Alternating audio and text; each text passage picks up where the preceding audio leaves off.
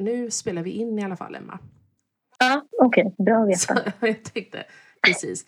Innan du börjar göra liksom alla pruttljud och allt det där som... Ja, precis. Så det, ja, men jag får skärpa mig Mm. Så vet du att nu spelas det in. Nej, men vet du vad jag har, har tänkt på ändå faktiskt? Nej. Du väjer ju inte för bajsnödighet och så i dina böcker. Eller det är lite Nej. återkommande i gropen och utflykterna är när de blir bajsnödiga och Ja. får gå in igen. Och, Just det. ja, det, det inte Nej, men bajsnödighet kan ju ställa till det i vardagen konstigt. va? Ja, det är precis. Eh, för oss alla. Men det är ingen som säger det så ofta. Och jag vet också att folk har sagt till mig också att när de kommer till den där bajsningsdelen i gropen då, då är det den där, den där bu- värmbulan lite för dem. Om- Alltså i en högläsningssituation. Ja, Att det är nästan, det är någon som har sagt att det har varit nästan som en KBT-grej. just det. Eh, nu, kommer det, nu kommer det snart, okej? Nu Ja, kommer det här ja. snart. Det var inte där jag tänkte börja, men nu blev det så. Nej, nu blev det så. Hej, jag heter Emma Adbåge och jag gör bilderböcker till yrket. Jag både skriver dem och så gör jag bilderna till dem.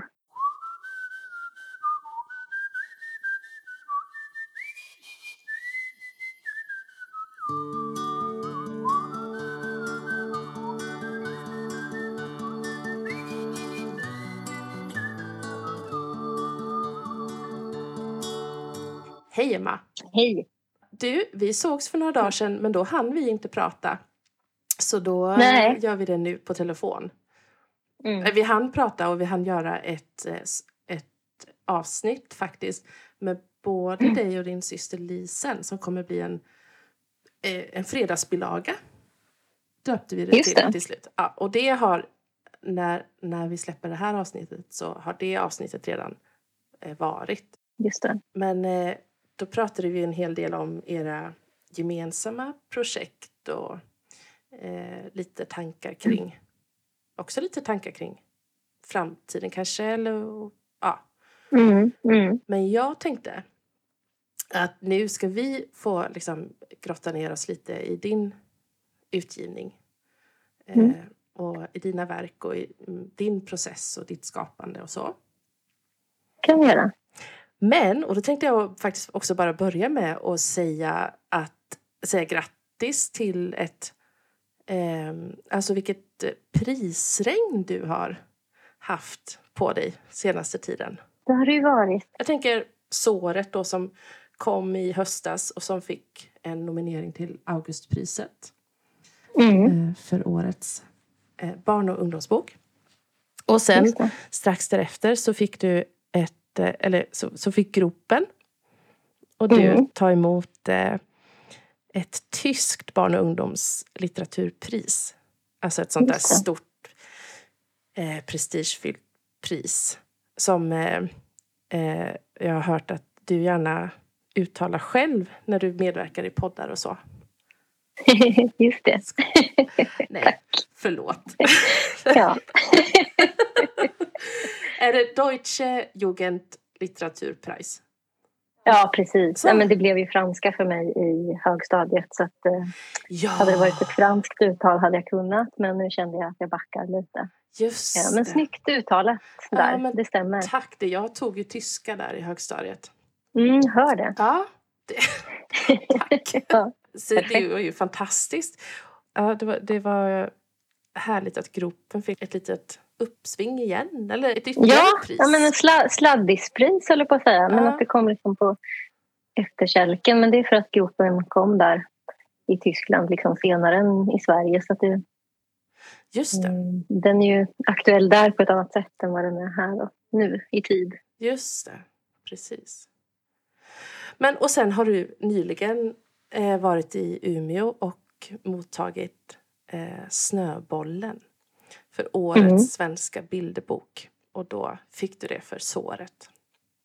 Just det. Hur var det att vara där? Det var jätteroligt var det att vara i, i Umeå och ta emot det där priset. Och så fick jag ha en, en timmes långt samtal också med Eva Nordlinder. Ja, Mm. och det var jätte, jättefint. Jag är jätteglad över det. Ja. Verkligen. Snöbollen är också ett jättefint pris. Relativt nytt ändå. Eh, men eh, inte desto mindre så väger det tungt, tycker jag. Mm. Eh, Jag är jätteglad över det. Och hänger, det, hänger originalen i Umeå nu till såret? Nej? Mm. Ah, Just det, det Ja. gör det. Precis. Det ingår ju att man får som mottagare av Snöbollen får man ställa ut på Bildmuseet i Umeå. Så jag har lämnat mina original och faktiskt ett par skisser också där till Ja. såret. Ja, men fantastiskt. Och jag tänker, vi ska såklart prata om, om eh, både gropen och såret. Men jag tänkte börja med att fråga om du minns ehm, hur du, om, om du minns själva boken men kanske också känslan kring den tiden av din första eh, utgivning. Första boken som kom. Mm. Allra, allra, allra, allra första. Mm. Allra, allra, allraste. Min- Allra förstaste boken. Ah, du menar hur jag kände kring vem, vem jag var och så där, eller hur det kändes just att debutera? Att debutera, tänker jag. eh, Mm. med Mimsan och mormor. Eller hur? Mm. Ja, precis. Det hette den ju. En ganska liten bok.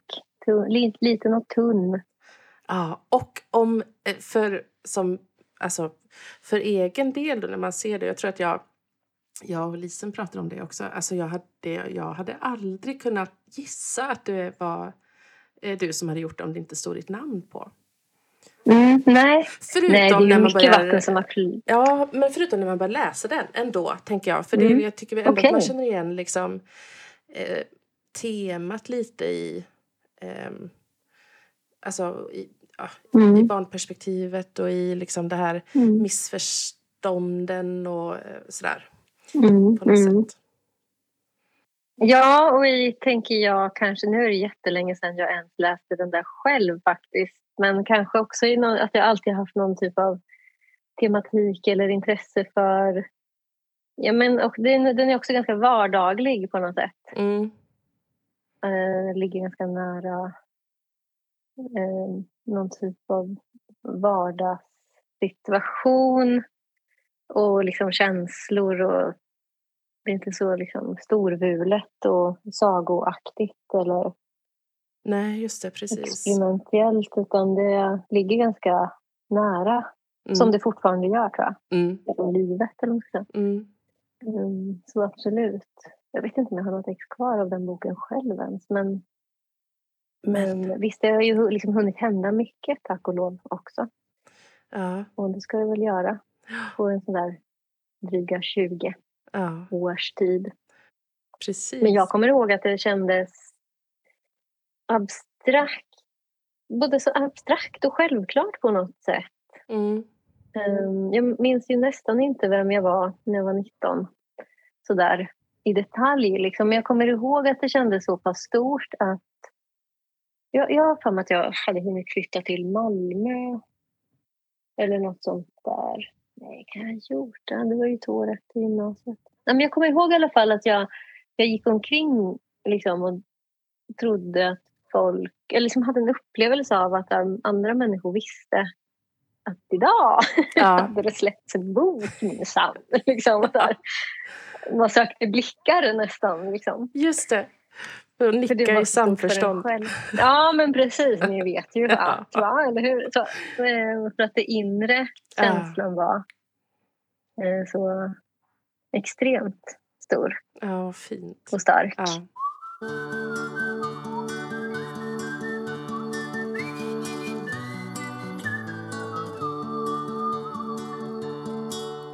Det känns som att det var ganska så klart för både dig och för Lisen att det är det här som... Det var det här ni skulle göra Mm. på något sätt. Jo, men det är väl nog det jag menar med om jag sa att det kändes liksom självklart eller naturligt eller något Ja, sånt där. Att precis. det fanns någonstans en riktning i mig. Mm. redan tidigt. Att det var som en organisk rörelse någonstans. Ehm, som att långsamt resa sig upp och börja gå. Liksom. Att jag vet vart, vartåt jag ville. så. Utan Mm. att för den delen ha tänkt kanske i ord eller uttryckte så mycket. Utan det var mer som en, bara en naturlig ja, en naturlig rörelse, en naturlig riktning på något vis. Mm. Det låter väldigt skönt också att ha det med Verkligen. sig. Alltså det är ju, jag, tänk, jag har tänkt på det ganska ofta genom åren när man har haft eh, vänner och sådär som har verkligen så kämpat med att de inte vet vad de har velat bli så att säga. Mm. Eller vad, vad, man vill göra eller man har kanske krisat ihop efter någon utbildning. Och så här, vad ska man jobba? Ska man verkligen satsa på det här? Och så, så att jag har verkligen njutit av att alltid ha haft en, en riktning i mig och vetat det. Det har verkligen varit mm. njutbart flera gånger som jag mm. tänkt på det så. Att, tack, tack, tack, tack och lov för det ändå. Ja. Sen har ju det, den typen av känsla inte heller alltid varit en, en solid, trygg, bra känsla. För gudarna ska ju veta att det är ju inte jättelätt heller att så här, ge sig in på frilansmarknaden och starta eget. Den situationen. Men, men det har nog, den, den, den, den viljan har varit starkare än vad hindren har varit höga. Liksom. Jag tror att det är så. Man vill någonting skitmycket så blir hindren ganska ja, men rimliga att ta sig över i alla fall, oftast. Att riktningen mm. är liksom, eh, att jag har velat det så mycket. Sen, med det menar jag inte heller att man tillräckligt mycket så går det, för det, det menar jag verkligen inte. Men, Nej, men för mig har de där hindren ändå, mm. jag kravlat med över dem i, ändå. I någon slags. Vad har det varit för typ av hinder? Ja, men bara en sån sak som att starta en firma, du vet, och liksom fylla i blanketter och det är som någon skatteverk. Ja. Hejsan! Och så där. Ja. Eh, ja, men bokföring en gång i månaden. Uh. Bara en sån sak är ju... Moms. Ja, moms. moms förstå ja. moms. Ja. Eh, nej, men vi, vi, kan ta det i en annan podd, känner jag. Det, bara, eh, det är ju ett hinder i sig. Mm. Och att eh, visa att man finns. Alltså jag började ju i ett sånt läge där internet fanns, absolut. Men det var ju inte på det här sättet som det är nu. Um, så uh, att internet knappt fanns i kombination med att man inte bodde i Stockholm eller en storstad. Och så ska man visa att man finns och så ska man... Ja, man ska inte ens googla, för man googlade inte på den tiden vilka förlag som fanns. Och man ska göra sig hörd och visa att man Ja, du vet, hela den där grejen, mm. den är ju mm. liksom ganska... Det är stort i början att börja sätta igång den där mm. apparaten mm. som numera ändå går liksom av sig själv. Som någon slags maskin som, som driver sig själv nästan. Eh, den, mm. den var man tvungen att sätta igång då, när man var 19, 20, mm. 21. Um, och sen är det väl alltid ja, men hinder i form av tvivel, inre tvivel. Mm som kommer med kontinuerligt, eller som med jämna mellanrum, tycker jag fortfarande. Mm, mm. Mm. Och de tvivlen kan ju bestå i dels liksom tvivel på sig själv eh, eller på en, så här, att man kan eller om man någonsin ska få en idé igen. Mm. mm. Ja, men det är väl ganska mycket hinder tycker jag, varje dag och hela tiden beroende på hur mycket man zoomar in och ut. Ja, just det, precis, och lägger in i det. Ja. Men vad gör till exempel ett sånt här eh, senaste halvårets eller lite mer mm. prisregn då till exempel? Påverkar det dig i ditt skapande på något sätt och i så fall på vilket sätt? Alltså ger det dig prestationsångest mm. att eh, fortsätta eller ger det dig en skjuts och en liksom, energikick? Och, eller både Nej men vet du, jag, jag känner faktiskt inte prestationsångest med priser. Eh, jag känner mig bara ödmjuk och glad inför det. Och så får jag energi av att eh, någon verkar ju uppenbarligen gilla det jag gör. Så då finns det en trygghet i det på något sätt. Mm. Um, och en glädje som ger energi. Att, uh, och det har jag tänkt på också, de böckerna som jag har fått pris för, nu tänker jag lite slarvigt och snabbt, men det är nog mm. ofta de böckerna som jag själv har känt mest för. Och, och i och med, om, ett pris är ju någonstans ett kvitto på att eh, liksom, någonting har funkat eller funkar för andra. Och då är det så himla, det har varit så himla roligt att känna att jag själv har, har känt något som andra också verkar liksom, uppskatta. Mm. Och just att det är de där grejerna som jag faktiskt inte har tvivlat på så mycket utan som har kommit djupt inifrån mig. Att det är just de titlarna som tänker jag oftast i alla fall har varit de som har blivit så omfamnade. Då, Mm. har, det, men har gett mig någon så här energi och trygghet eller lugn eller vad man ska säga i att jag, mm, att jag vill bara fortsätta gör, göra den typen av saker. Jag, jag känner mig trygg i att gå in i mig själv och, och lyssna på mig själv. För det verkar det. ha funkat för, även för andra. Och, men jag känner absolut ingen prestationsångest eller att, jag, att det låser mig någonstans eller att jag fastnar i det. Eller så. Även Nej. om jag förstår att det är så för en del andra eller har varit. Ehm, Men nej, tack och lov så har jag inte låst mig där i, i, i, de, i applåderna. Liksom. Nej, skönt. Bra. Ja. Jag vill hela tiden framåt och utforska nytt. Och som vi pratade om förut, alltså Gropens pris i Tyskland nu till exempel. Det är ju ganska många år efter att Gropen ens kom ut här. Så jag kan ju känna att jag, liksom är, jag är många steg framåt i vilket fall. Och det skulle ganska mycket till för mig tror jag att jag skulle stanna i steget där jag är nu Mm. och liksom, ja, fastna i ett, ett tyskt bilderbokspris för en bok som kom för många år sedan för mig. Eh, utan jag, det känns som att jag, det, jag är ändå några steg fram i något Mm. eh, och har liksom farten uppe av, av egen nyfikenhet och, och utforskar lust eller jag är uppe i något uppdrag liksom, som jag själv grottar i. Och det, det gillar jag. jag. Jag tror det är, bra. Aha. Vad kan det vara för typ av liksom, eh, alltså, utforskande av... Är det liksom olika teman eller olika tekniker i Mm, oftast eh, är det nog bild? teman tror jag. Ja. Eh, För för mig kommer texten alltid först. Så jag upplever nog att jag oftast är inne och grottar i teman. Mm. Teman, men ja, ja, något ämne, någon fråga Mm. eller en känsla eller någonting som jag vill liksom undersöka på något sätt skulle jag säga. Där, där Mm. tror jag att jag... det är det jag Ja. menar när jag säger att jag är iväg och grottar eller liksom i några steg framåt i något.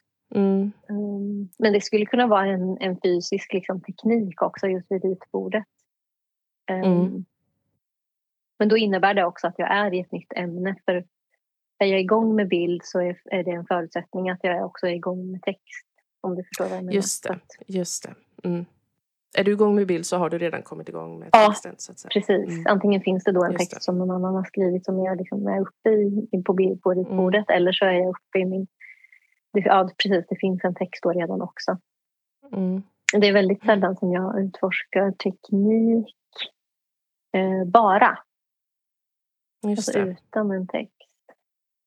Eller att du tänker så här, åh det vore kul att testa att måla så här. Undrar vilken typ av text som skulle Mm. Ja, nej, passa. precis. nej, men det händer aldrig åt det hållet för mig. Eh, dock så skulle jag nog kanske önska mig ett par månader av tid. Om det är någon som har över extra. Så kan man gärna Ja. skicka tid då. För att eh, ja, men nu just bara så här, grotta in sig i just teknik. Ja. Eh, Det är jag lite dålig på att ge mig själv nämligen. Eh, Mm. Bara förkovra sig i. Och det är ju liksom jätte, jätteviktigt också. Men jag brukar försöka ge mig själv den tiden i ett, upp, i liksom ett uppdrag eller i en, alltså till en text som jag själv har skrivit. Mm. Passa på då att liksom bygga in någon form av utforskande av bildteknik också. I bästa fall Men, så eh, kan Ja. jag upp, okej, I bästa fall så har jag skrivit till exempel en text som eh, också så här, ger mig en anledning att använda kritor eller vad det nu är jag är sugen på. Ja. Men det är liksom texten Just. som bestämmer det där. Jag kan inte, Ja. jag kan liksom inte bestämma det själv för det är alltid texten som avgör om det är en blyerts Mm. eh, eller en gouache eller en kritteckning som, ska, som krävs. Just det.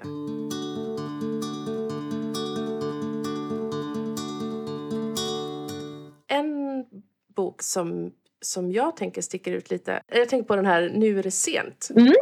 Är det din första bok som du både skrev och illustrerade som blev August-nominerad? Ja, det är det nog. Ja. Det stämmer. Eh, tidigare så hade det varit Tilly som trodde att jag av Eva Staaf.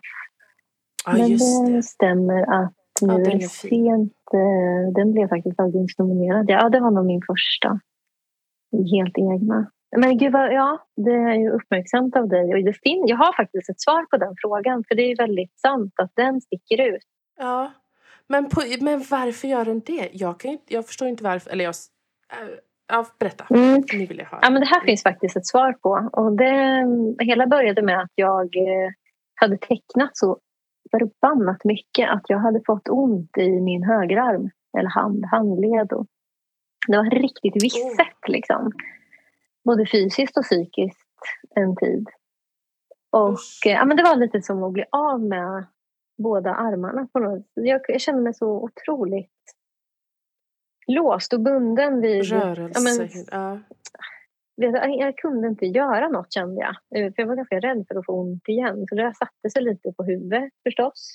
Ja. Eh, och sen så efter ett tag när jag ändå kände att jag mådde bättre. Och jag kunde verkligen inte vara ifrån så här bildskapandet. Men för att slippa att hantera en tunn, tunn, tunn penna eh, så började jag klippa. Och så började jag använda en lite tjockare penna. Och för den som inte har sett den här boken då, så är det ju en, en ganska tjock spritpenna som har dragit konturerna i bilderna och så, så är det utklippta Ja. figurer som ligger på färgat papper eh, De är utklippta. Ja, precis. Jag har klippt ut det är en del möbler i interiörerna Ja. och så har jag klippt ut själva karaktärerna och huvudpersonerna. Ehm, och deras konturer är tecknade med en väldigt tjock spritpenna. Ehm, Mm. Så hela, alltså det började någonstans där. Mm. Och ehm, så hade jag också skrivit en text som enbart bygger på liksom replikskiften. Och den är ju också, eh, texten är extremt avskalad på något sätt. Jag ville att texten Mm. skulle bara bygga, jag ville experimentera och prova om det gick att bygga en text på bara replikskiften. Och så, så ville jag också skala ner eh, Alltså den texten på något sätt krävde den här typen av bild också. Något väldigt, något väldigt enkelt och rent och som hade liksom Mm. samma framåtdriv utan att man fastnar i för mycket detaljer och pill liksom i bilden också. Just det. och det i kombination med att jag, jag var lite rädd tror jag för att sätta mig och teckna på det här vanliga, ganska pilliga, krävande, fysiskt krävande sättet. Så då tog jag fram Mm. saxen och spritpennan och um, så blev de bilderna till där, utifrån det. Um, och jag jobbade Vad liksom i hemlighet med de där ganska länge. Utan att, jag visade ingen, jag visade inte min förläggare heller. Utan liksom ville vara i fred med det där. För jag kände att det, var, det fanns något känsligt i det där. Att byta och prova något nytt. Och tänkte liksom, ska det vara så här nu? Det så här? Ja, det vill jag liksom inte alls jobba på det där sättet för alltid. Nej, för det är väl ganska... nej. Det är verkligen inte alla texter som kan ha den där typen av bilder tror jag. Mm. Mm. Men i alla fall så kände jag att det funkade bra. Och så blev det ju en till Mm. bok efter det som hade ju också just det här samma driv. Det var replikskiftet som drev hela berättelsen framåt. Mm. Snart blir det roligt. Ja, precis. Snart blir det roligt. Och, men, Mm. och sen dess har jag liksom inte använt mig tror jag, av det maneret igen in, på något ställe. Det, det, Blev det bättre i armen sen då? Eller, Mm. eller Ja, liksom, absolut, och att du ja. kunde återgå till att... ja, ja, men successivt. Är det delvis därför kanske som du... Ja, precis. Men nu, nu för tiden kan jag liksom se tillbaka på den perioden som något som ändå gav någonting. Det är nog intressant jag tycker att där, mitt i det där pisset verkligen så.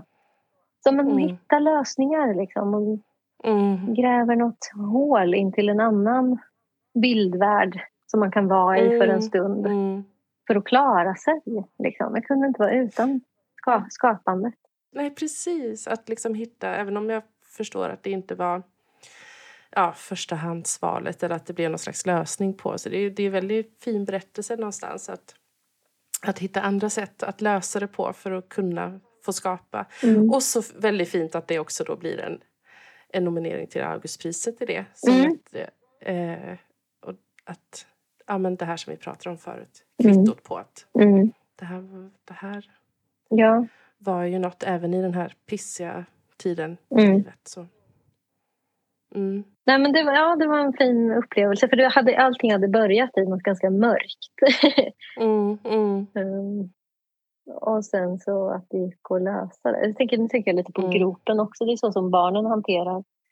Alltså, kreativiteten går inte att stoppa. Nej, Sammanfattningsvis. precis.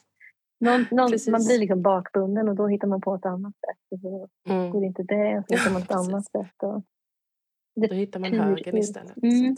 Ja. Mm. Men jag, jag tänker lite på dina karaktärer också. Mm. De har ju oftast... Eh, alltså, liksom... Eh, berättarrösten eh, har oftast inte namn. Nej. Eller med undantag för några då, alltså Leni till Mm. exempel. Och, lite sådär. Mm. och andra namn förekommer ju på andra eh, personer i berättelsen. Men, men huvudpersonen eller berättarrösten är oftast Mm. eh, namnlös. Mm. Och, och könlös Mm. ibland också. Sådär. Mm. Ehm, hur kommer det sig? Eh, jo, men jag tror att jag har börjat jobba så mer och mer de senaste åren. Som du säger, Leni och Sven.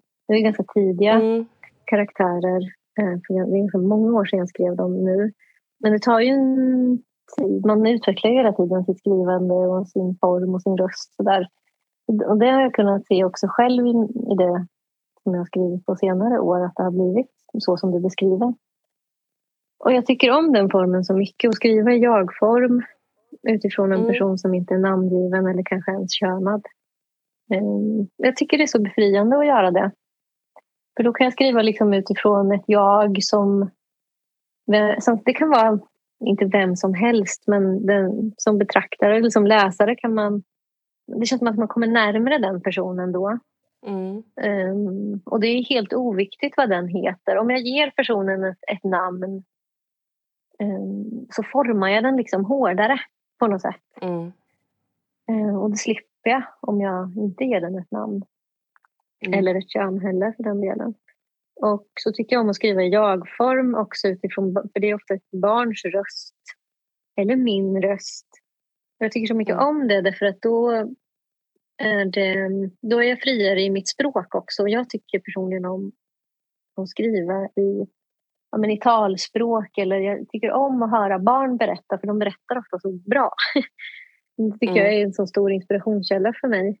Och om jag kan gå via ett barns hjärna och mun i själva berättandet, om jag får ha den personen som berättare så, så hamnar jag mycket närmare den typen av berättande. Alltså om jag får använda det språket så Mm, mm, om, jag får, om jag får ligga i jaget så att säga så kan jag få använda mig av det språket som jag själv tycker så mycket om. Alltså ett talspråk, ett berättarspråk urifrån ett barn. Mm, Ehm. Och då känns det mer trovärdigt också, Mm, tror jag. Jag upplever att jag kommer närmare verkligheten då. Jag kliver, om jag kliver Mm. in i barnet som berättars röst.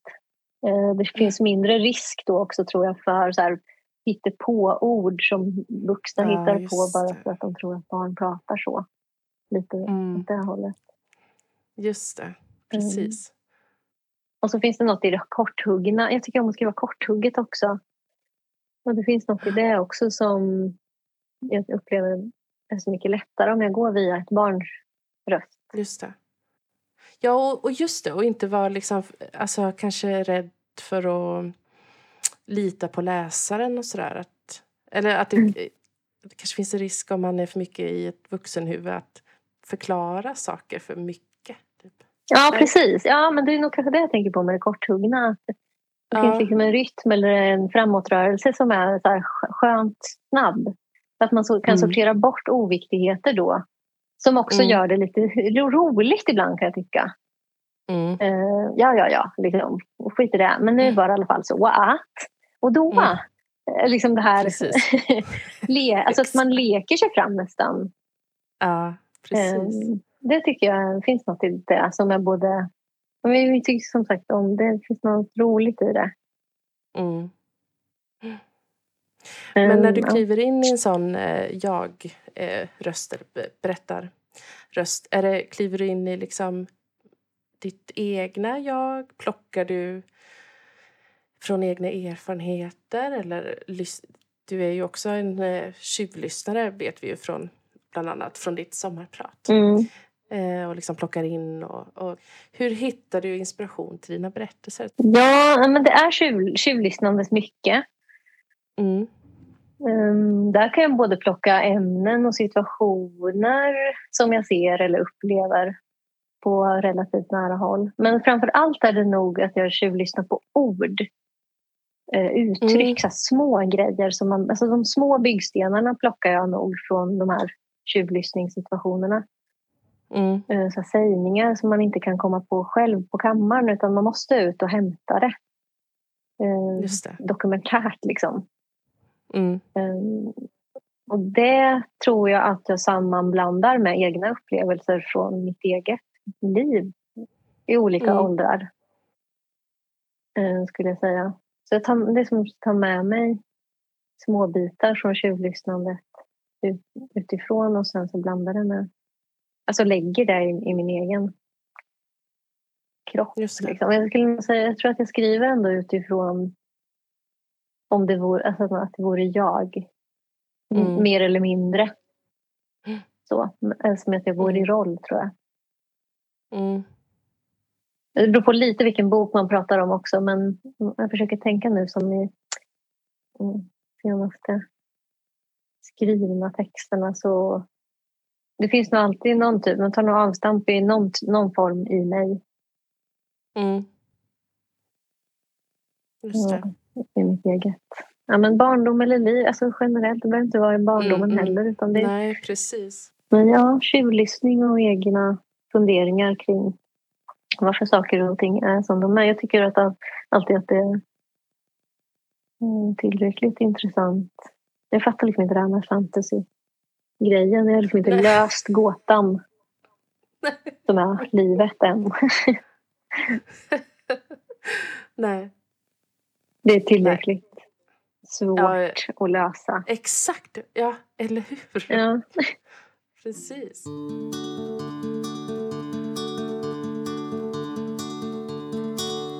Vill du berätta om Jag är jag? Ja, men Jag är jag kom till på ett lite speciellt sätt. Det här var ju hundra år sedan, ungefär, i runda slängar. Och jag eh, hade, på den här tiden så hade Rabén Sjögren en liten där undersida på sin hemsida där man det fanns en liten blogg som man kunde gästblogga på som författare. Mm. Och då så skrev jag på den bloggen så skrev jag en dag ett inlägg om ett minne från min barndom som handlade om när jag skulle spela en pjäs på förskolan och fick rollen att spela Blyger och då sa min ena förskollärare, det passar ju dig bra. Och så skrev jag i blogginlägget att jag förlåter henne aldrig för det där. För sen den dagen, sen hon stämplade blyger i pannan på mig, så har jag identifierat mig som det. Och det har gjort jättemycket med mig.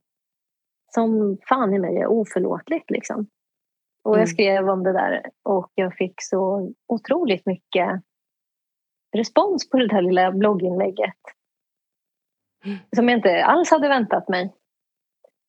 Och så, så gick det en tid och jag fick en fråga av en av mina förläggare då. Så kan du inte skri ska du inte skriva något om det här? Ska inte du kunna skriva en kapitelbok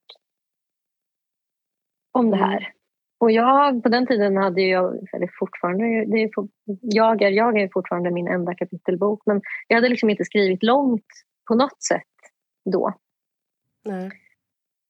Um, men jag var väldigt liksom glad för den här fina responsen från olika håll och jag kände att jag skulle gärna vilja prova och, och skriva något längre. Mm. Um, men på den här tiden var också fortfarande, jag vet inte om det kanske är nu också, men det var jättepopulärt med mysterieböcker då. Alltså kapitelböcker mm. 9 till 12 eller 8 till 12 eller vad det är, 7 till 9. Ehm, så någonstans så trodde jag liksom att jag skulle behöva ha någon, någon sån typ av form och jag låste mig jättemycket för det där. Och då kommer jag ihåg att jag flyttade ut, ta ut min bärbara dator i, i köket och satte mig och skrev där för att liksom ta udden av att jag skulle skriva mm. kapitelbok. Jag bara, nej men jag ska, ska bara sätta mig och äh, slänga ihop något.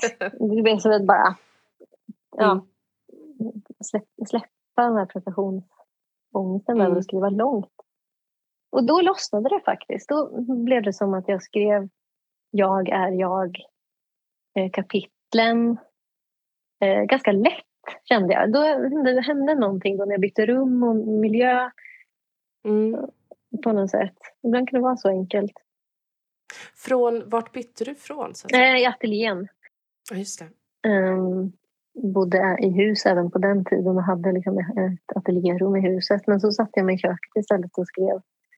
Mm. Och då hittade jag liksom ganska snart ändå en form för vad jag ville berätta. Och då så blev det jag är jag och jag skrev fri, ja, men fristående kapitel som ändå... Det finns, en, det finns en kronologi i kapitlen naturligtvis. Det rör sig Mm. liksom, ja, kanske över ett halvår i den här huvudpersonens liv.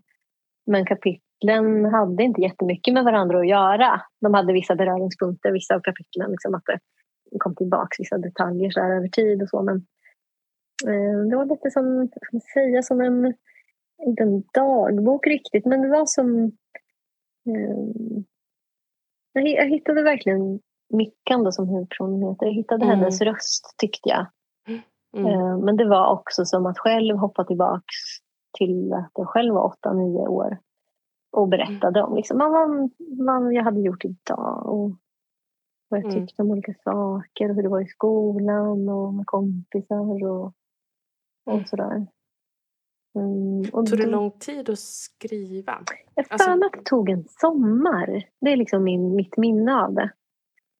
Och att jag kände att det gick ändå oväntat lätt. För det, det svåra som jag ofta tycker också är väldigt roligt med att skriva kort. Det är liksom att koka ner en längre idémassa ner till en, någon typ av buljong. Och det kan ju vara ganska svårt. Liksom. Man ska väga orden rätt. Och, liksom, Mm. det, är det, som, det som är det roliga och det svåra med att skriva bilderböcker tycker jag. För barn eller kort. Så. Mm. Eh, Men nu i det här fallet när jag skulle skriva kapitelbok då kom jag också ihåg att det fanns, fanns en lätthet som var liksom lite lyxig att få ta fram så här en stor påse med ord och bara hälla ut och välja och vraka och man kunde göra kommatecken och skriva på. Liksom. Det, gick ganska, så det fanns en lätthet i det här skrivandet som jag inte Ja. hade liksom, upplevt förut jag behövde driva en berättelse framåt på ganska få ord. Um, och det, det tjusade mig ganska snabbt ändå. Jag tyckte att det var kul. Även om det har sina svårigheter och sådär förstås. Men ja, Ja, precis. För, och i en bilderbok då så har du också eh, bilden till större del. Som, nu är Mm. jag, jag också illustrerad, men såklart att det blir en... Var det, var det svårare då att bildsätta en kapitelbok? För där fick du begränsa dig och försöka liksom eh, hitta kärnan i vad bilden skulle göra, så att säga. ja fast jag tror att jag har i och med att jag har förmånen att vara både bildberättare och textberättare så kunde jag ändå under tiden jag skrev um, ha med mig i bakhuvudet att det här blir inte mycket bilder. så då fick jag liksom, det var då, då också jag kunde eh, förlägga den informationen i text istället. Mm, mm, Att jag hela tiden hade det med mig i bakhuvudet. Att eh, skri, skriv ut det här istället för att ange det i bild. mm. Um, jag tror att jag hade det i mig hela tiden när jag skrev. Att, eh, ja, det minns jag inte som en svårighet i alla fall utan snarare en, en tillgång att, eh, att kunna skriva det istället. Och Mm. avgöra vad som skulle synas i bild. Men att, att det inte skulle bli lika mycket alls som det brukade. Det.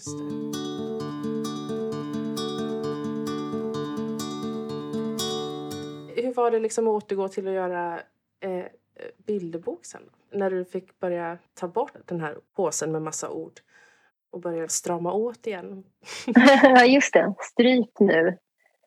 Eh, tillförseln av ord. Mm, men jag tror inte att det var något, något svårt på det sättet eftersom jag hade, det var liksom ändå så jag det är så jag känner mitt jobb ändå. Ja, ja. Så jag tror att jag minns inte det som en svårighet utan bara som att jag återgick till det jag hade i ryggmärgen liksom, redan innan. För sen har det ju inte blivit någon mer än så länge. Vi, vi väntar in, det kommer ju Ja. sen, eller hur? Ja. ja. Du skriver så vansinnigt bra, Emma, så det måste du göra. Ja, tack. Ja, men det, det, nu, har det liksom, nu är det med längre mellanrum, men med jämna mellanrum så får jag ändå så frågan från någon klass eller någon enskild person så här, om det kommer en uppföljare till Jag är jag. Ja, eller, ja, eller för den delen en kapitelbok. Eh, men mm. ofta har jag fått frågan om det kommer en, just en uppföljare till Jag är jag och då har jag alltid sagt att jag har bara en barndom. och, mm. och, i det här fallet så är alltså det är nog det närmaste jag kommer någon typ av självbiografi fast med modifikation, obs. Um, mm. Men det är så himla mycket taget ur min egen ålder, typ åttaårsåldern. Att jag har så svårt mm. att om jag skulle skriva en uppföljare på den så skulle det bli så himla förljuget känner jag, eller inte på. Mm. Um, för jag var bara åtta år en gång. Och så var det inte mer med det. Och det är klart att det händer mer och, och så i, i, livet än vad det gör i, i, den där, än i den där boken. Men jag tycker att den, ja, den får vara mm. eh, sitt, sin egen starka saft för er som har läst den. Mm. mm. Jag, vill inte späda, jag vill inte späda ut den till en svag saft utan den ska få vara den där starka saften fortfarande. Ja. Jag tror att det skulle göra den en otjänst om jag skrev en uppföljare så som det känns nu mm. i alla fall. Eh, men i och med att det var så roligt att skriva kapitelbok så är jag absolut... Det är inte omöjligt att jag skriver en kapitelbok till. Um, Nej, jag var på väg att skriva en kapitelbok men det blev pjäs istället. Ja! Åh! Oh, eh, men kan inte Puppan bli det? Kan det inte bli både och? Ja, nej men ja, det kan ju absolut finnas både och. Jag skulle kunna kanske ah. skriva den i bokform eh, nu i efterhand. Absolut, det går ju. Um, mm. Ska bara göra det också. Men, uh, ja, det, det var ju det där med tiden. Ja, ja precis. Men um, ja, jag skulle kanske gärna göra det. Om jag fick lite mm, tid över mm. någon gång och så. Den är ju redan, det finns ju redan i manusform. Så ja, det kanske skulle ja. kunna bli en, det, det är en eh, kandidat. Ja, det vore fantastiskt. Mm. Men du, kan vi inte prata lite... Eller jag skulle, jag skulle bara vilja stanna till lite vid naturen också. Mm. Om det är okej. Okay. Ja. För naturen är så rolig. Ja, vad roligt att du tycker det. Med de här eh, människorna som är så dumma. Mm. Vi är så mm. dumma. Mm. Vi har så små, små, små huvuden. Hur kom mm. du på det? att illustrera det på det sättet. Det är väldigt roligt. Ja, tack. Det kom nog naturligt under tiden jag skrev. För när jag skriver så ser jag bilder i huvudet under tiden. Mm. Och det, liksom, det, det händer nog där i, skiss, mm. i skisserna för mig. Eh, för någonstans när man börjar teckna så gör man ju hela tiden val. Mm. Färgval överhuvudtaget. Alltså, man, varenda streck man drar är ju någon typ av val. Um, och då... Ja, men det, det kändes naturligt att de skulle ha de här stora kropparna mm. som bara gör och gör och gör. Och de här små mm. huvudena som inte tänker så mycket som de egentligen borde. Mm. Så det, det kändes som en naturlig form för de här invånarna i, i byn, i naturen. Eller för oss då, om vi ska prata utifrån. För det handlar ju om oss, liksom, även mig. Mm. Mm. mm. Ja men vad, vad det en, det känns, den känns ju lite liksom nästan lite som någon bearbetning av något eller lite mm. arg eller lite ilska över. Mm. Eh, hur jo. kom den till eller vad, vad är liksom? Ja men naturen, ja, naturen tog mig ganska, den var med mig ganska många år skulle man faktiskt våga säga. Mm. Um, på den tiden bodde jag i Småland och allting, allting kulminerade nog sommaren 2018 som vi kanske alla minns som den här torka sommaren där det brann överallt och det tog slut. Vattnet tog ah. verkligen slut. Alltså I den byn jag bodde i då så tog vattnet slut i brunnen för ja, men ganska många människor som körde med, med stora vattendunkar istället som de hämtade i diverse sjöar och så mm. vidare. Mm. Och jag minns själv att jag duschade inte hemma på tre månader utan jag cyklade till närliggande sjö och tvättade mig istället för att jag var rädd för att vattnet skulle ta slut. Mm. Och där kulminerade det liksom. Eh, men det föregicks också av flera års eh, funderande över det här. Eh, med liksom krispiga tulpaner två dagar efter julafton och den här typen av inställning till att vi på något sätt ser naturen som en kuliss som är till för oss att mm. betrakta och njuta av. Att, att fåglarna och fjärilarna är liksom pynt, typ. Och snön är pynt för oss på julen. Um, och sen om det inte råkar vara varmt på just våra semesterveckor så är det för mm. jävligt mm. liksom. Alltså den där typen av funderingar och inklus, inkluderat mig själv. Um, och någon gång så såg jag också att det var någon sån rubrik som verkligen var så. Så mycket har blixten kostat. Och då funderar jag, alltså, men vadå? Blixten, så här, har den ett pris? Jag, förstår, jag förstår ju naturligtvis rubriken och så men, ja, men sådana där grejer samlade jag på mig under många år. Så jag kände att jag ville skriva någonting om det här men så hittade jag inte riktigt formen för det. Mm. Och jag bankade och slog på den där idén och hittade inte fram. Um, för jag ville ha liksom naturen i en roll och människan i en roll. Men skulle naturen ha en röst? Skulle den personifieras av någonting? Liksom, ska det vara något träd då? Som, alltså jag vill inte heller mm. vara för duktig mm. och pekpinnig och du vet sådär. Um, men så till slut så rann det igenom mig på något sätt. Den här tratten. Allting genom en tratt som ska ut. Och så, så jag hittade väl den här formen då. Det blev liksom som en typ av kammarspel. Att människan då som grupp och sen naturen som mm. någon slags individ i bakgrunden eller som ändå har någon typ av huvudroll. Uh, jag tror att det är det vuxnaste ämnet som har legat mig alltså nära i tid när jag har skrivit mm. det. Så att säga. Förstår du vad jag menar? Ja, just det. Ja. Det som inte utgår i något barnjag. Liksom. Nej. Utan snarare i mitt vuxna jag. Mest i alla fall. Mm. Alltså, när jag var liten så tror jag att vi inte pratade om miljön eller mm, naturen på det sättet. Jag är i och för sig uppvuxen nära naturen och allting. Så jag, minns, jag minns bara ett fragment av att man skulle inte slänga grejer i naturen. Lite mer så plocka skräp. Mm. Eh, idén mm. eh, som sen har liksom vuxit sig större på ett helt annat sätt nu. Vad, vad jag upplever i alla fall. Men alltså, den här frågan är liksom något som jag har plockat ur mig själv. Ja, ur mitt vuxna jag, så att säga. Mer. Just det. Mm. Om naturen, det som sen blev naturen, då var något som du fick liksom banka och slå och slita på så här för mm. att eh, få in, till slut ner genom tratten. Mm.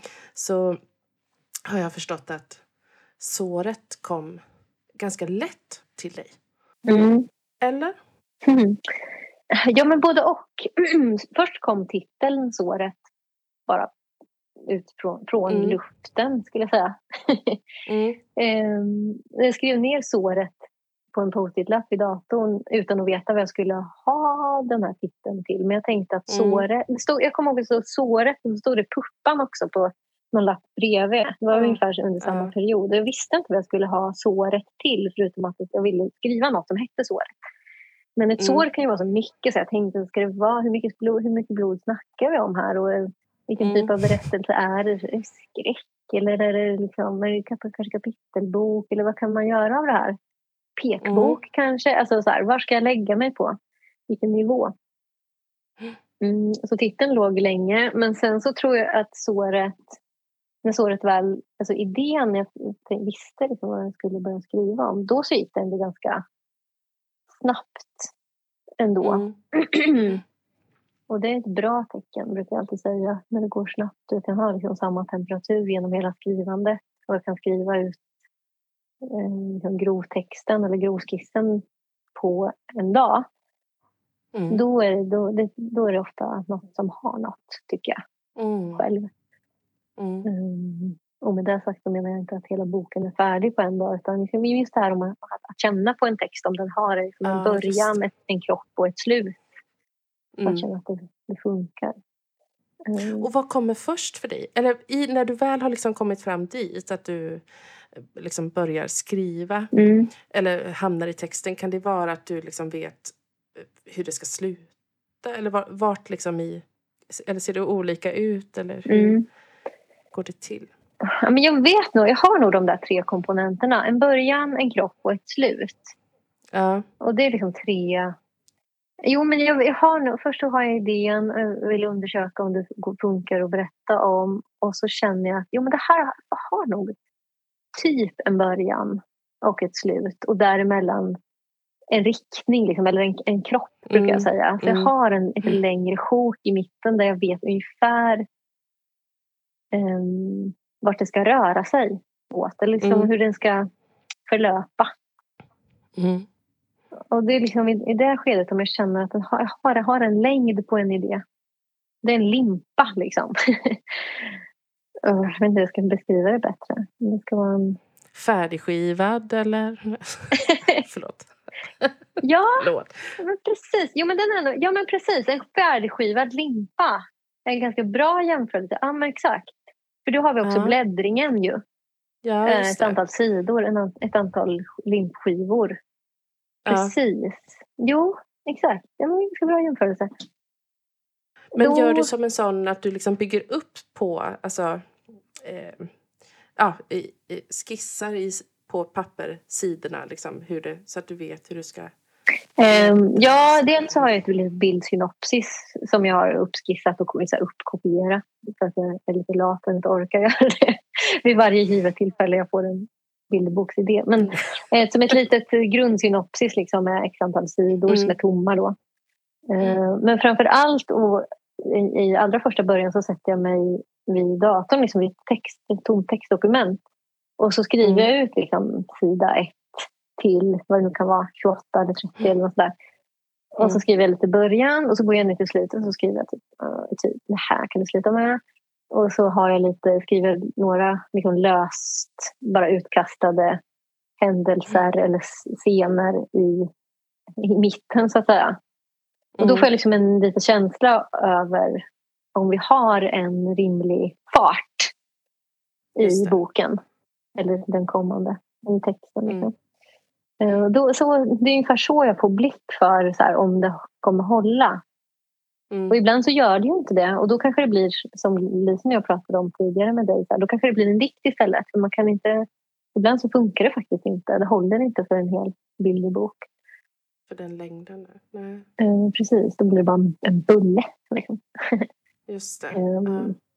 Istället för en limpa. Men det, så gör jag nog nästan alltid om jag vill prova ut en idé. Då provar jag det i text. Mm. Och sen så ibland så finns det ju liksom luckor mm. i början eller slutet. Och ibland kanske jag inte vet hur det ska sluta heller. Men jag kan ofta, tror jag, ha ett slut som jag går lite igång på. Att det är det som får mig mm. att vilja försöka. Just det. Så. Mm. Och sätta mig. Att jag vill till ett mål. Och hur ska vi dit då? Ja, det måste jag ju undersöka. Mm, just det. Och i bildspråket kan det också liksom... Eh, du sa att alla de valen som man gör när man sätter en, eller gör en bild och varje liksom streck på något sätt. Mm. Men eh, kan det bli liksom att du känner att nej men det här, det, nu måste det, här måste vi ha annan färg eller mm. annat. Får du ändra mycket i det eller kommer det ofta naturligt för dig? Ja, bra fråga. Jag bestämmer nog innan. Nu hoppas jag att du svarar på din fråga nu om det var så du menade. Men jag, när jag har skrivit texten och känner mig nöjd med den så försöker jag gå tillbaka till den, läsa den mm. och eh, ta reda på så här, vem, vem ser jag? Vilka ser jag? Vart är de? Vilka färger är det? Och det mm. kan jag lägga liksom ganska mycket tid på. Att mm. vara i min egen text och ta reda på det innan jag sätter mig och faktiskt sätter pennan mot pappret och börjar skissa. Mm. Det tar jag nog reda på i huvudet under en, men jag kan nog lägga några dagar, en, ve en vecka på sånt. Och så kanske skissa lite och så emellan och så. Men alltså, mest gå in i, en i min text och, och, ta och mm. hämta, plocka ut det där. Färger och maner och form. Och hur stor gruppen ska vara till exempel i gropen eller i såret. Där. Hur många är det? Hur många röster får plats i den här? Och, um, Ja, för det är liksom texten som bestämmer det. Precis. Och då måste jag lyssna på den. Det låter svårt, Emma. jag vet inte. Ja, ibland upplever jag att det är svårt och ibland eh, jättelätt. Mm. Jag gillar ju när det är svårt mm. alltså. Men du vet när det lossnar och det är lätt. Det är på något sätt dit man vill. Gud vad man Ja. vill dit. Och då är det, liksom svår, då är det svåra värt det.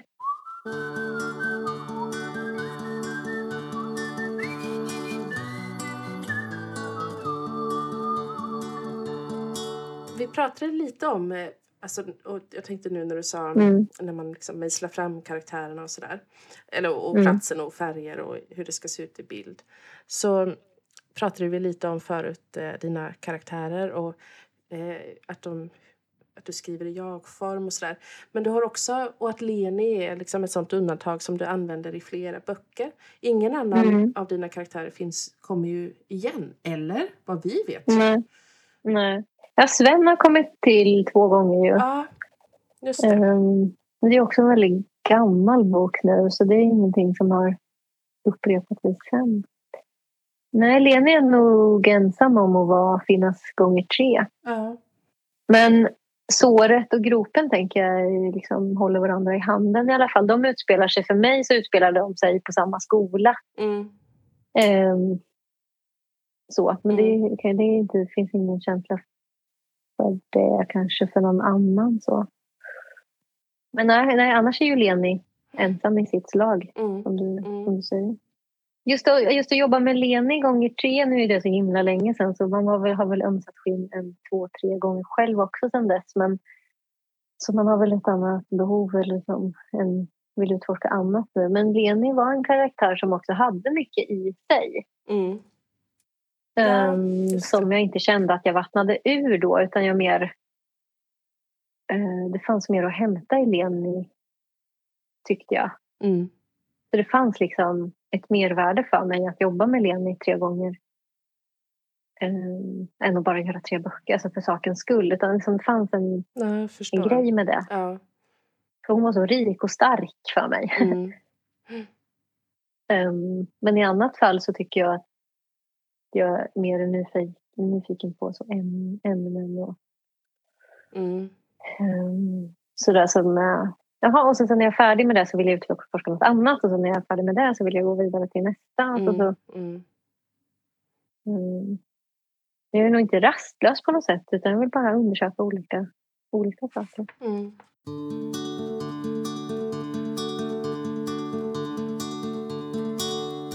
Men du, i såret. Mm. Jag får ju lite ont i magen när jag läser den. Det är något. Får du? Ja. Mm. Det är liksom något som är så himla... Alltså det är ju... Eh, ja, det är ju uppenbart. Det är så himla sårbart liksom. Och skört och Mm. lilla Mm. människan. Och, ja. Men det är också något som är något mer tror jag. Men jag vet inte riktigt vad det är. Varför får jag ont i magen Emma? Är det också tänker Mm. att det inte är några vuxna, alltså frånvaron av vuxna kanske också hemma och i hemmamiljön. Mm. Och den här lilla personen känns så ensam med de här stora känslorna. Mm. Ja, alltså får du ont i magen som att för, för personens skull? ja precis. För att den är ensam eller får du ont i magen för att det Nej, för, Mm. kommer blod? Nej inte, inte för blodets skull. Nej. Utan för personen. Det känner väldigt mycket med Nej. den här personen. Mm. Ja, men jag tänker att den här personen ändå är så himla sedd. Så är det för mig i alla fall, att jag tänker att huvudpersonen då, namnlös, Mm. så vi får ju säga huvudpersonen, jaget. Den tänker jag ändå förhoppningsvis blir så himla sedd i såret. Mm. Ehm, och jag tänker mycket på Jarmo Mm. som är den vuxne i såret som är en person som behandlar barnet, barnen mm, på ett fint sätt. Mm. Att eh, jaget inte är ensam när det här händer. Jag vet inte, du kanske ändå upplever att barnet är ensam?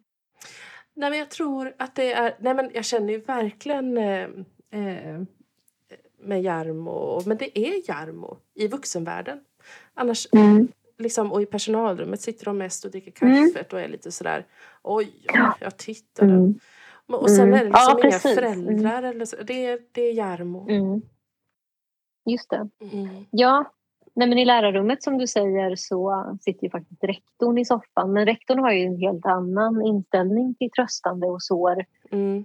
eh, märker man ju. För hon, nu kan man se i bild att hon drar sig nästan ifrån Ja, precis. såret också. Och kan på sin höjd säga oj, oj, oj. Och sen så vill liksom inte hon närma sig det där mer. Hon är en dålig tröstare. Mm. Um, så absolut, där hade det bara varit rektorn i närheten så hade det ju legat risigt till när det gäller liksom, med, med traumasituationen och det här. Mm.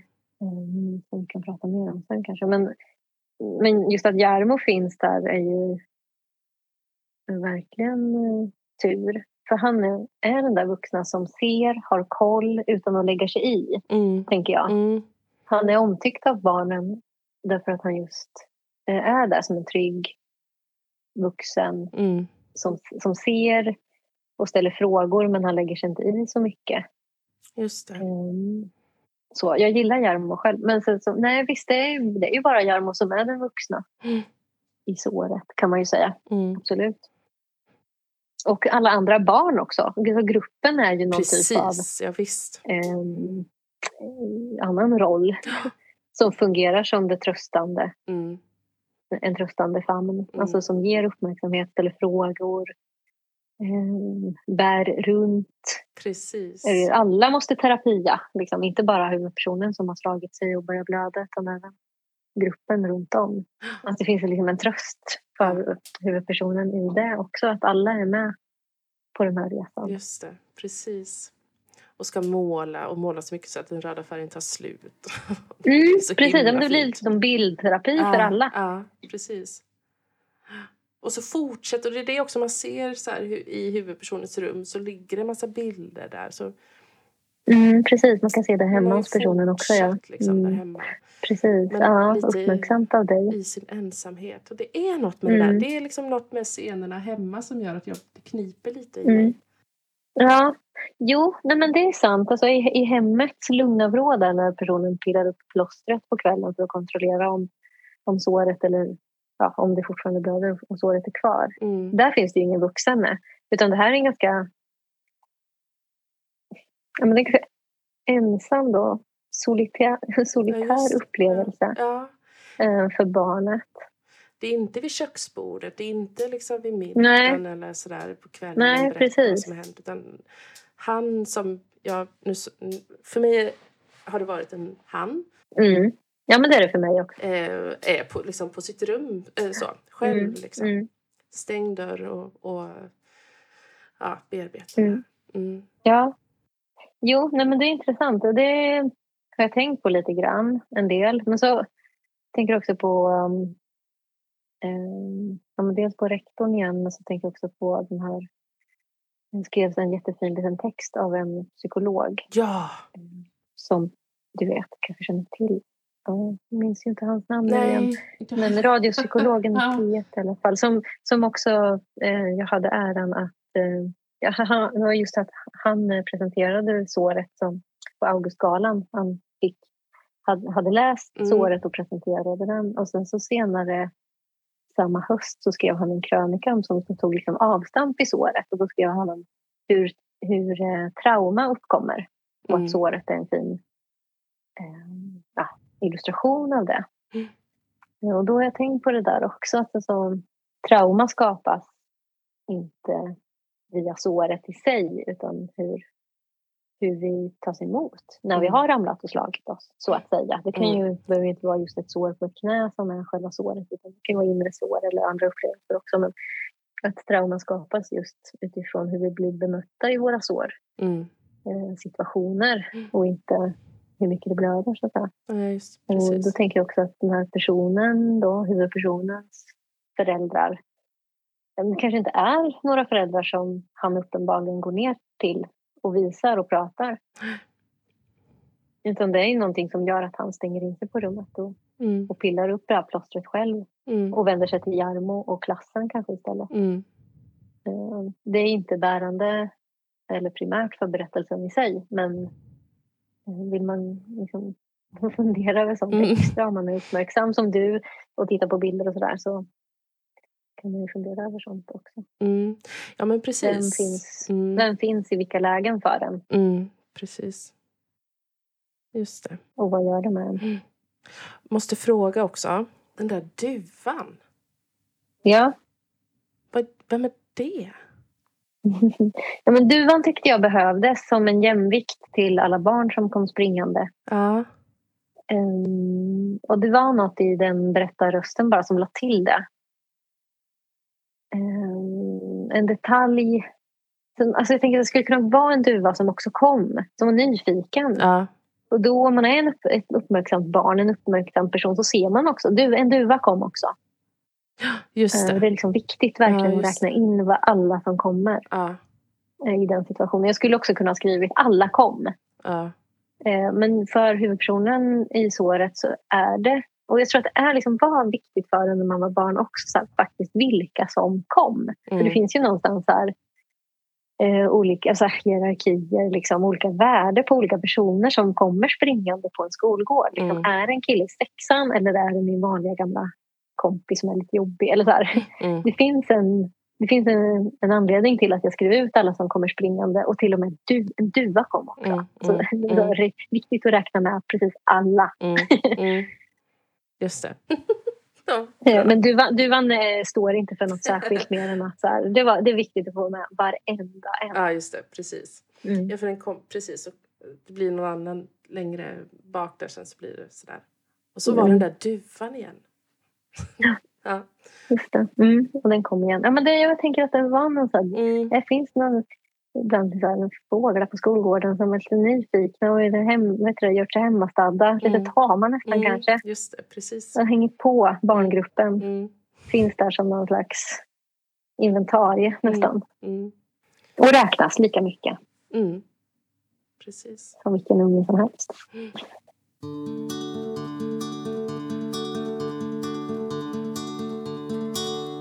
Gropen är ju... Den har ju bara fått liksom ett eget liv och antagit massa olika former. Det har liksom blivit Mm. ett pedagogiskt förhållningssätt och det har blivit så här, hamnat i talet om barns rättigheter och så vidare. Alltså den är Mm. ja, ett sätt att betrakta, ett perspektiv liksom. Mm. Ja. ja, det har man inte kunnat vänta sig. Nej, inte. Nej. Men den kom, eh, den, jag vet att du har sagt eh, att den kom, bara kom till så, som ett andetag för dig. Ja, det gjorde den. Den skrev sig själv nästan. Ja. Eller så. Den fanns väl i mig utan att jag hade tänkt på det. Så plötsligt när jag tänkte på den så bara, ja men gud, den skriver sig själv. Ja, Det var så en självklar självklarhet. Ja. Som att det, låg, det låg något på. Lägst ner i ja, lägst ner på en hylla. Så bara, vad har jag inte plockat den här för? ja just det. Jag inte berättat. Men det var väl kanske också för att det låg så extremt nära. Alltså gruppen på min egen skolgård, den, den var så i mitt blodomlopp och i mitt system att jag inte ens, jag såg den inte. Det var för nära. Liksom. Jag var tvungen att backa Mm, för att få syn på den, tror jag. Mm, De där grejer som man inte ens tänker på är något. Nej, för att det var så självklart. ja, Så tror jag. just det. Men när jag, så när jag väl fick syn på den så var det som, gud den, den Mm, hugger jag. mm, mm, Där ska jag. mm, Eh, Då så, så gick det rätt fort från att jag... För den hade verkligen, det var verkligen en brödlimpa om vi ska fortsätta med den här mm, jämförelsen. Den hade verkligen en början och en kropp och ett slut mm, eh, som bara skulle ja, skrivas, in, skrivas ut. Liksom. mm. Just det. Och i bild också så, så var det som att den... Alltså, Ja, men ganska mycket så. Mm. För att eh, när jag skrev boken så ville jag också alltså, nästan i stort sett göra ett porträtt av mm, den platsen som jag också befann mig på när jag var barn. mm, Så det var egentligen i stort sett bara att knycka min egen skolgårds utseende just det. eh, och lärarrum och klassrum och så. Det som jag kämpade mest med var kanske antalet barn i gruppen och typ vilken årstid det skulle vara. För jag hade svårt för grönt under en period i mitt tecknande och det kämpade jag med. Fan, ska man vara ute mycket då måste jag jobba med grönt. mycket. Men då löste jag det på så sätt att jag kunde lägga det på tidig vår eller höst Ja, istället. det. Just Och då befann jag mig också mycket ute. Jag, vet, jag cyklade mycket då i, runt om i byarna och i skogen i naturen där jag bodde då. Och tittade mycket på eh, trä, alltså träd är ju inte bara bruna. Så att säga. Utan då, jag var ute mycket och plockade färger Ja, just det. från naturen. Då. Mm. Men i övrigt så hade man försökt. Fanns det, var, var Eva också färdig så att säga?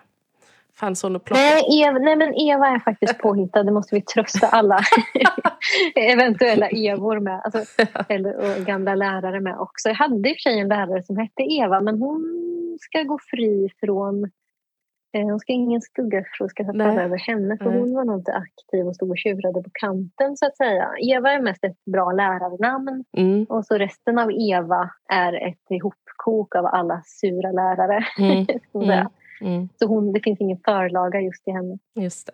eh, mer än så. Hur många språk har den här översatts till? Vet Åh, vilken du bra fråga, Emma. Det borde jag veta, för jag fick en lista nyss. Kan det vara Mhm. typ tio? Ah, Eller något sånt. Plus minus ah, två. ah, Eller något. Ja. ah. Mm, jag, fick just, jag fick den just... Nej, det, förlåt, det var såret. Men, ja. Nej, men kan det vara ett tiotal i alla fall? Ja. Mm. Ja. Häftigt. Du är väldigt häftig. Det är väldigt roligt att få, ehm, få se vad du gör. Är, är det något du kan... Eh, det kanske vi pratade lite om i fredagsbilagan. Vad som kommer härnäst för dig. Vad är det på gång? Ja, men lite pratade vi väl om att Lisen och jag för tillfället eh, gör bilder till en bok av Britta Persson. Mm, just det. som är en diktbok eh, som också ska bli skiva Mm. av samma person, då Britta Persson. Lisen och jag lägger oss inte i musik av förklarliga skäl men vi kommer ju troligtvis göra omslaget kanske till skivan också. Mm, Det kommer bli en diktbok och en skiva med bilder eh, av oss. Så Mm. det håller jag på med fullt. Eh, fullt har fullt upp med det nu. Mm. Och den Mm, kommer i höst? Den borde komma i höst, ja, 2023. Mm, mm, Både och. Bo- Alltså både skivan och boken Mm. kommer förhoppningsvis typ samtidigt. just det. Kul! Det gör jag nu. Det ser vi Mm. fram emot. Ja, jätteroligt. Ja, jag också. Men du, Mm. eh, tack och förlåt. Eh, säg inte tack, det är jag som ska säga tack för det här. säg inte förlåt heller, det finns inget förlåt för.